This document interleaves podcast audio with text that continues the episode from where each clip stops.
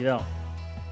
Yes, als je je Bijbel bij je hebt, ga dan even met me mee naar het Oude Testament. Exodus, hoofdstuk 20. Gaan we een stuk lezen. Gaan verder met de serie over ons hart. In het Engels hart. Afgekort zijn dat wat letters die we gebruiken als onze waarden. Honor, excellence, advancement, reaching out and togetherness. Gaan we er zo wat doorheen lopen. Afgelopen week hebben we al gekeken naar advancement. Dus Suzanne heeft met ons gekeken naar fantastisch waar we nu staan, maar er is zoveel meer. God heeft zoveel meer voor ons. Zullen we samen op reis gaan? Zullen we onze tent binnenwijden zetten? Zullen we groter worden? God heeft meer voor jou en mij.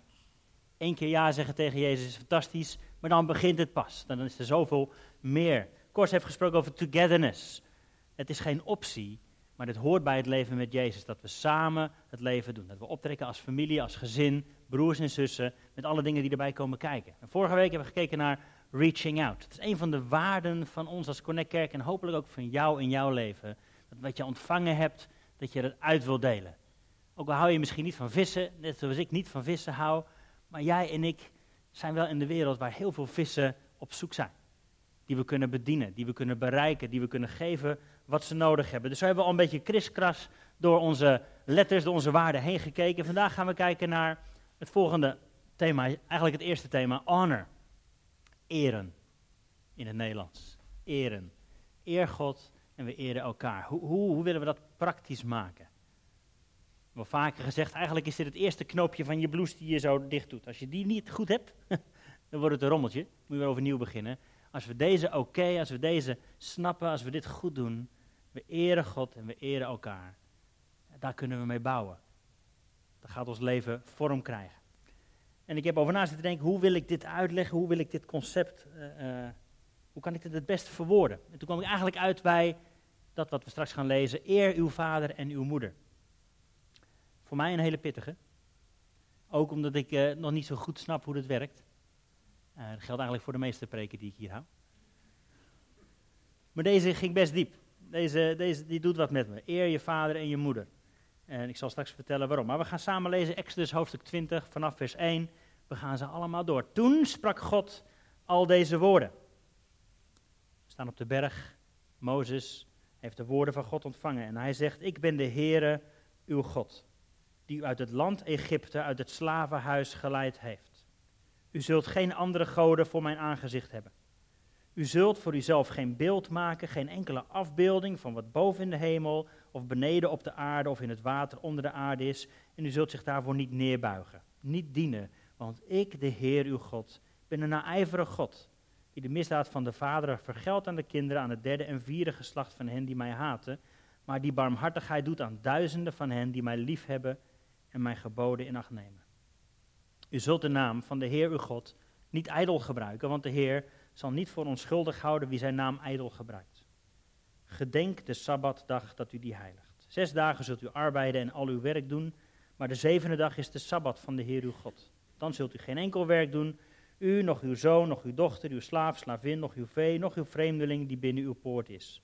Want in zes dagen heeft de Heer de hemel en aarde gemaakt, de zee en al wat erin is, en hij rustte op de zevende dag. Daarom zegende de Heer die Sabbatdag en heiligde die. Eer uw vader en uw moeder, opdat uw dagen verlengd worden in het land dat de Heer uw God u geeft. U zult niet doodslaan. U zult niet echt breken, u zult niet stelen. U zult geen vals getuigenis spreken tegen uw naaste. U zult niet begeren het huis van uw naaste. U zult niet begeren de vrouw van uw naaste, nog zijn slaaf, slavin, rund, ezel, nog iets wat van uw naaste is. Even tot hier. De tien geboden. Zullen we samen kort bidden? Heere God, dank u wel voor het voorrecht dat we de Bijbel mogen openen.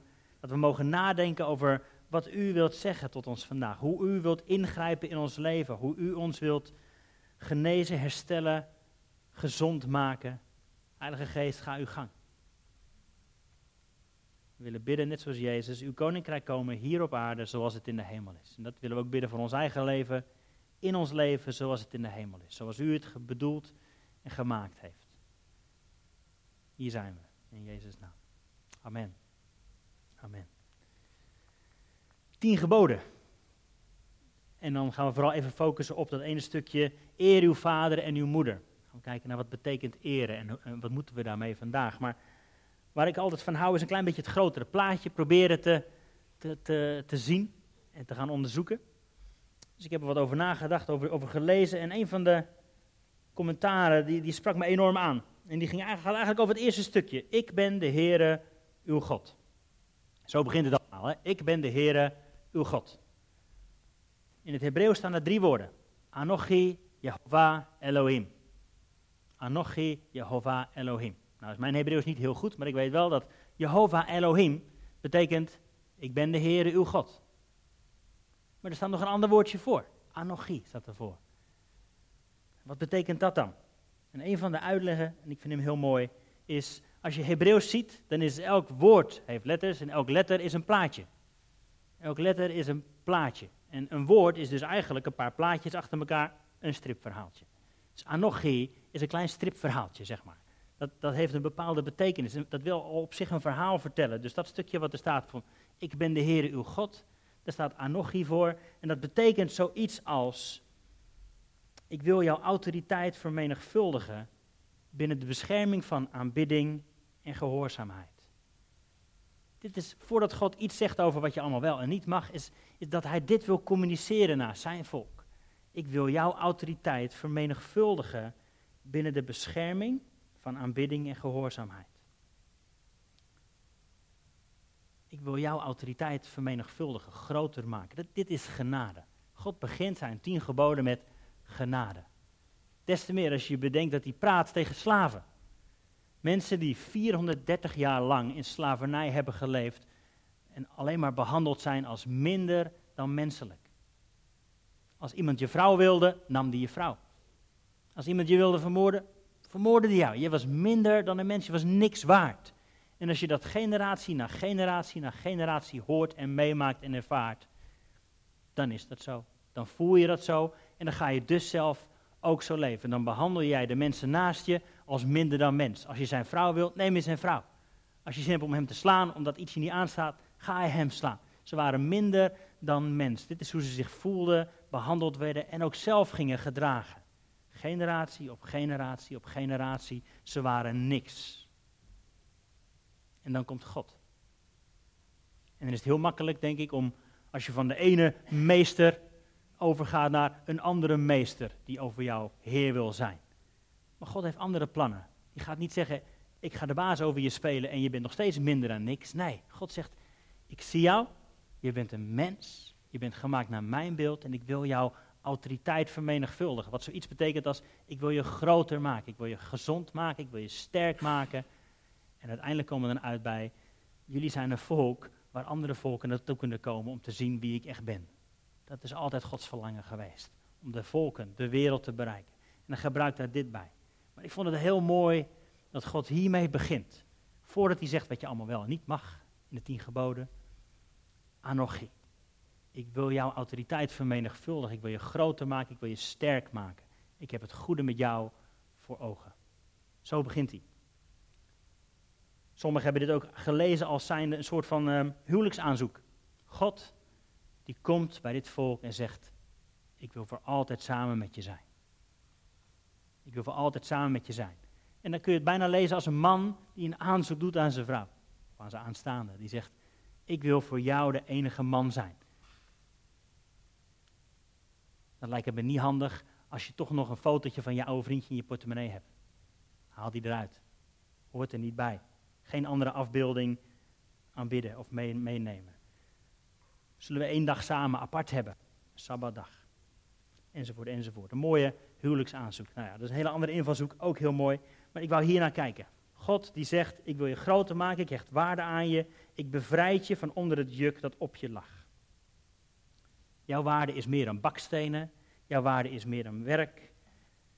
En uiteindelijk het hele doel is, en dat zie je ook terug in die tien geboden. Als ik jou zo bekijk, zegt God, dan is het niet meer dan logisch dat je andere mensen om je heen ook als waardevol gaat zien. Dus dan ga je ze niet doodslaan. Dan ga je niet van ze stelen, dan ga je geen dingen van ze afpakken enzovoort. Dit is de context van honor. Eer uw vader en uw moeder. Eer uw vader en uw moeder. Nou, zoals we hier allemaal zitten, hebben we een vader en een moeder. En voor de een is dat een plezierige gebeurtenis geweest. En voor de ander helemaal niet. En er zijn allerlei verhalen, allerlei dingen die je meegemaakt hebt. En toch En toch staat dit gewoon in het rijtje waarvan God zegt, dit is goed voor je. Niet stelen, snappen we. Niet doodslaan, logisch. Maar je vader en moeder eren, is dat niet een optie? Hangt dat niet helemaal af van hoe goed ze jou behandeld hebben dan? Hoe, hoe ga je daarmee om? Wat ik al zei, voor mij is het ook niet een heel makkelijk onderwerp. Ik heb ook een, ik kom uit een gebroken gezin. Mijn moeder is een paar keer gescheiden. Ik heb verschillende dingen meegemaakt met vaders. Waarvan ik op een gegeven moment dacht, joh, laat maar zitten, die vaders. Is niet, hoeft niet meer van mij. En natuurlijk als je opgroeit in een gebroken gezin, God zeker voor mij, als je opgroeit als jongen met je moeder, dan, dan gaat het ook scheef groeien. Met alle beste bedoelingen van de wereld, maar dan, dan gaat er iets scheef groeien. En dan moet je, mee doen, moet je mee dealen, moet ik mee dealen, moet ik van genezen. Eer uw vader en uw moeder. In het Hebreeuws is dat woordje eren, staat zoiets als gavet. Dat betekent zwaar zijn, veel zijn, imposant, beroemd. Je maakt iets zwaar, je maakt iets belangrijk. Dat, dat doe je als je mensen eert. Maar hoe maken we dat praktisch? Ik heb eerst maar eens een paar dingen opgeschreven waarvan ik denk, eren is niet, dubbele punt. Eren is bijvoorbeeld niet verkeerde dingen negeren. Je ouders eren betekent niet dat je verkeerde dingen die zij gedaan hebben negeert. Met de mantel de liefde. We doen net of het er niet is en dan, dan zal het wel niet. Nee, dat is niet wat eren is. Heeft niks met eren te maken. Dat is een ongezonde manier van leven.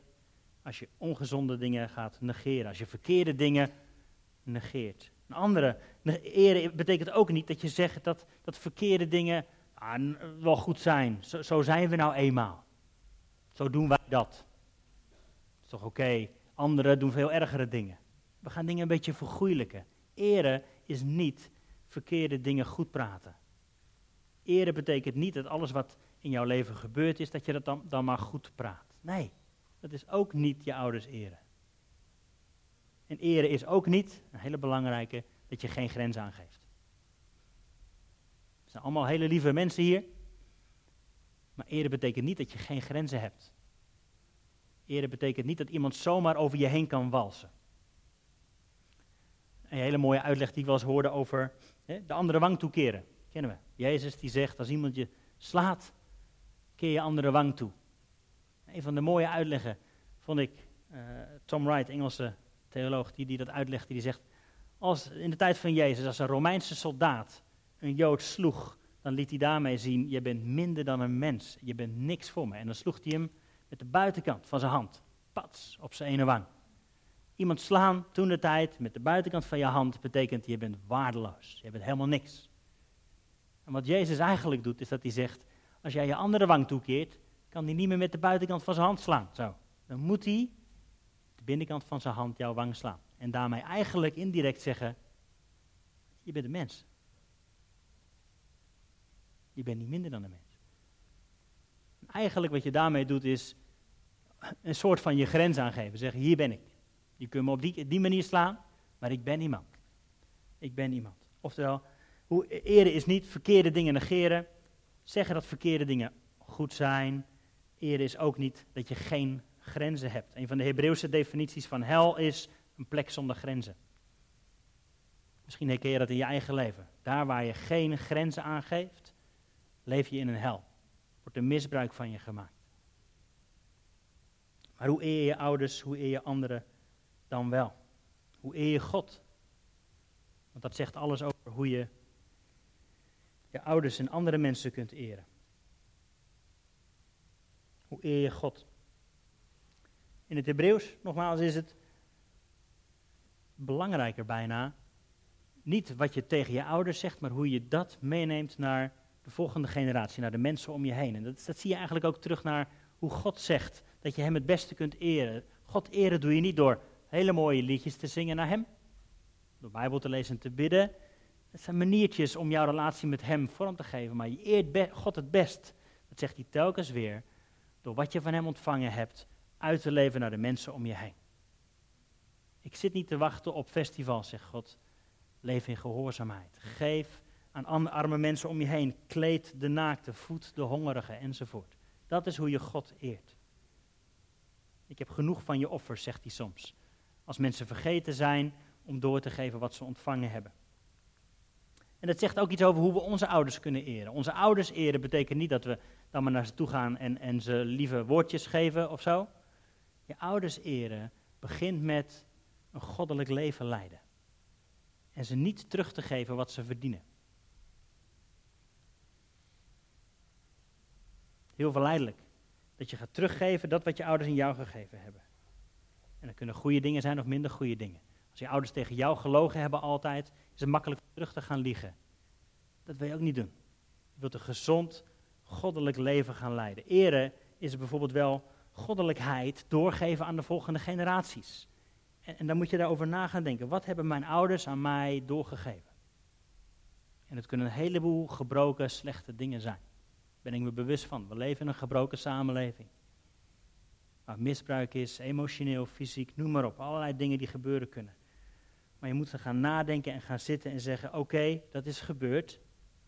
Nummer één, erken het. Wees er eerlijk over. Alleen als die pleister van die wond afgaat, kan het gaan genezen. Kan de zuurstof bijkomen, kan de lucht bijkomen, kan er licht bijkomen. Dan kan het gaan genezen.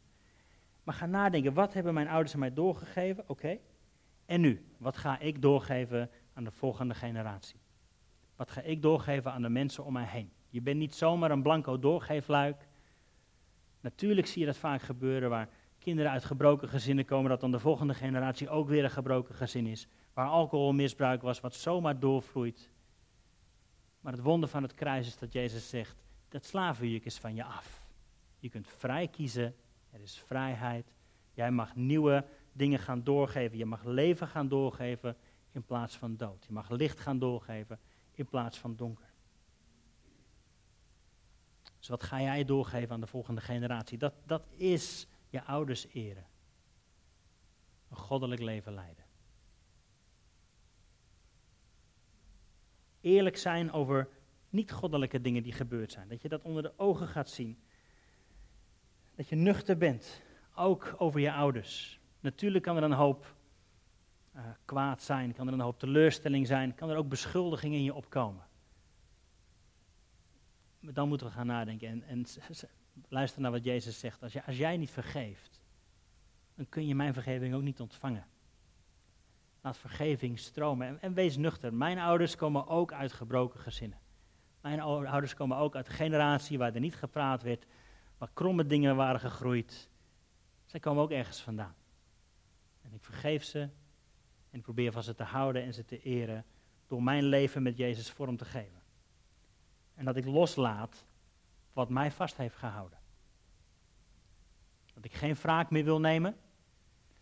Dat ik me niet boos ga opstellen allemaal, maar dat ik loslaat. God is de rechter en God kent alle harten. Hij zorgt ervoor. Iedereen is gewond en ik kies genade.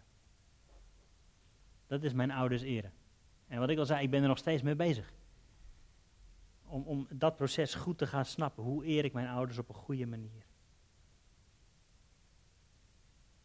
En ik geloof dat als we dit door gaan krijgen, want natuurlijk staat hier eer je ouders verderop. In de Bijbel staat talloze keren, eer elkaar. Eer elkaar. Hoe gaan we dat op een goede manier doen? Nummer één, ik zei al, dat onderste knoopje van je blouse. Leef in een goede relatie met God. Laat Jezus je hart vullen. Kies genade. Eer elkaar. Betekent dat jij en ik proberen gezond te worden. Dat we ons gaan richten op wie Hij is. En dat uit te gaan delen. We kiezen voor genade naar onze ouders. We kiezen voor genade naar onszelf en voor de mensen om ons heen. Elkaar eren betekent, en dat vond ik heel mooi wat David net zei over die jongen. Ik zie iets in jou wat niet rijmt met, met je gedrag nu. Je gedraagt je, bij wijze van spreken, als een slaaf. Je gedrag is een opeenstapeling van keuzes en die keuzes komen niet voort uit weten dat je geliefd bent. Volgens mij is er een beter leven voor jou.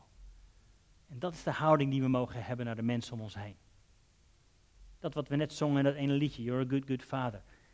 Everyone is searching. iedereen is aan het zoeken naar hoe kan ik mijn leven vullen. Met liefde, met waardevolle dingen.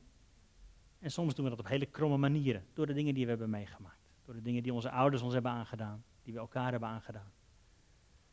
We zijn geroepen om uit te delen van de goedheid die God aan ons gegeven heeft. En dan moet, mogen we eerlijk zijn. Ja, het was moeilijk thuis. Ja, er zijn rare dingen gebeurd thuis. Maar nu ben ik hier en ik zit niet meer onder dat juk. Ik ben vrij en ik kan keuzes maken en ik wil lijken op Jezus. Zo wil ik God eren. Zo wil ik de mensen om me heen gaan eren. Door ze te behandelen als mens, als beelddrager. Waar we het over hadden in onze serie over priesterschap. We zijn beelddragers. Misschien ken je dat, uh, dat beeld wel van een, een briefje van 10. Wat 10 euro waard is natuurlijk.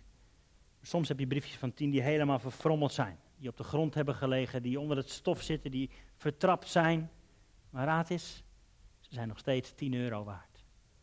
Dat geldt ook voor de mensen om jou heen. Dat geldt ook voor je ouders, ook voor je buren, ook voor die lastige collega's. Ze zijn nog steeds ongelooflijk veel waard in de ogen van God. En de beste manier waarop je anderen kunt eren, is als ze te gaan behandelen als mens. Als beelddrager. Wat ik vorige week ook zei bij Reaching Out, betekent niet dat je alles goed hoeft te keuren. Nee, soms maken ze ook rare keuzes, maar je kunt wel van ze houden. Ze accepteren en ze gaan behandelen zoals God ze zou behandelen. Wat ik hiermee wilde doen, met honor, met eren, is ook een beetje lucht geven aan dat wat misschien altijd onder een pleister heeft gezeten. Eren betekent niet dat we alle slechte dingen hoeven te vergoeilijken. Eren betekent dat je gezond gaat worden. En dat betekent pleister eraf. Dat wat je bedekt hebt gehouden, trek die pleister eraf. Dan kan er lucht bij komen, kan God het gezond gaan maken. En we hebben allemaal pleisters. We hebben allemaal pleisters. We hebben allemaal dingen meegemaakt. Maar God is al lang bezig met je. Ook met je vader en moeder, ook met de mensen om je heen. Maar God is al lang bezig met je. Hij is misschien bezig met die pleister eraf pulken.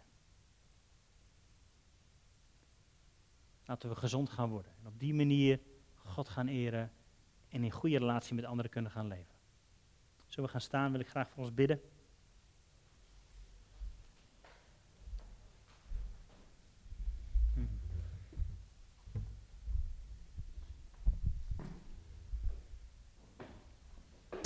Heer Jezus, dank u wel dat u ons kent, dat u ons gemaakt heeft en dat u weet wat we meegemaakt hebben. U weet waar we geweest zijn, u weet uit welke gezinnen we komen, uit welke situaties we komen en hoe, hoe gewond we zijn. En hoe dat ook nu nog onze keuzes mede bepaalt. we willen tegen u zeggen dat we willen genezen. We willen uw liefde, uw genade indrinken en uitleven. En, uh, waar we genezing nodig hebben, u weet het. Soms weten we het zelf helemaal niet. Er zijn dingen al zo lang verstopt dat we het maar geaccepteerd hebben. En maar wilt u in de, in de veiligheid van dit gezin, in de veiligheid van uw aanwezigheid, wilt u ons gaan genezen? Wilt u pleisters gaan losweken? Zodat we gezond gaan worden. Zodat we heel kunnen worden, steeds meer. Dat we samen met u leren onze grenzen aan te geven. Samen met u leren in relatie te staan met anderen. Dank u wel dat u voor ons bent. Dat u ons gezond en sterk wilt laten zijn. Dat u onze autoriteit wil vermeerderen in relatie met u. Ik wil bidden dat u ons nu vult met uw Heilige Geest. Dat u waait door ons heen.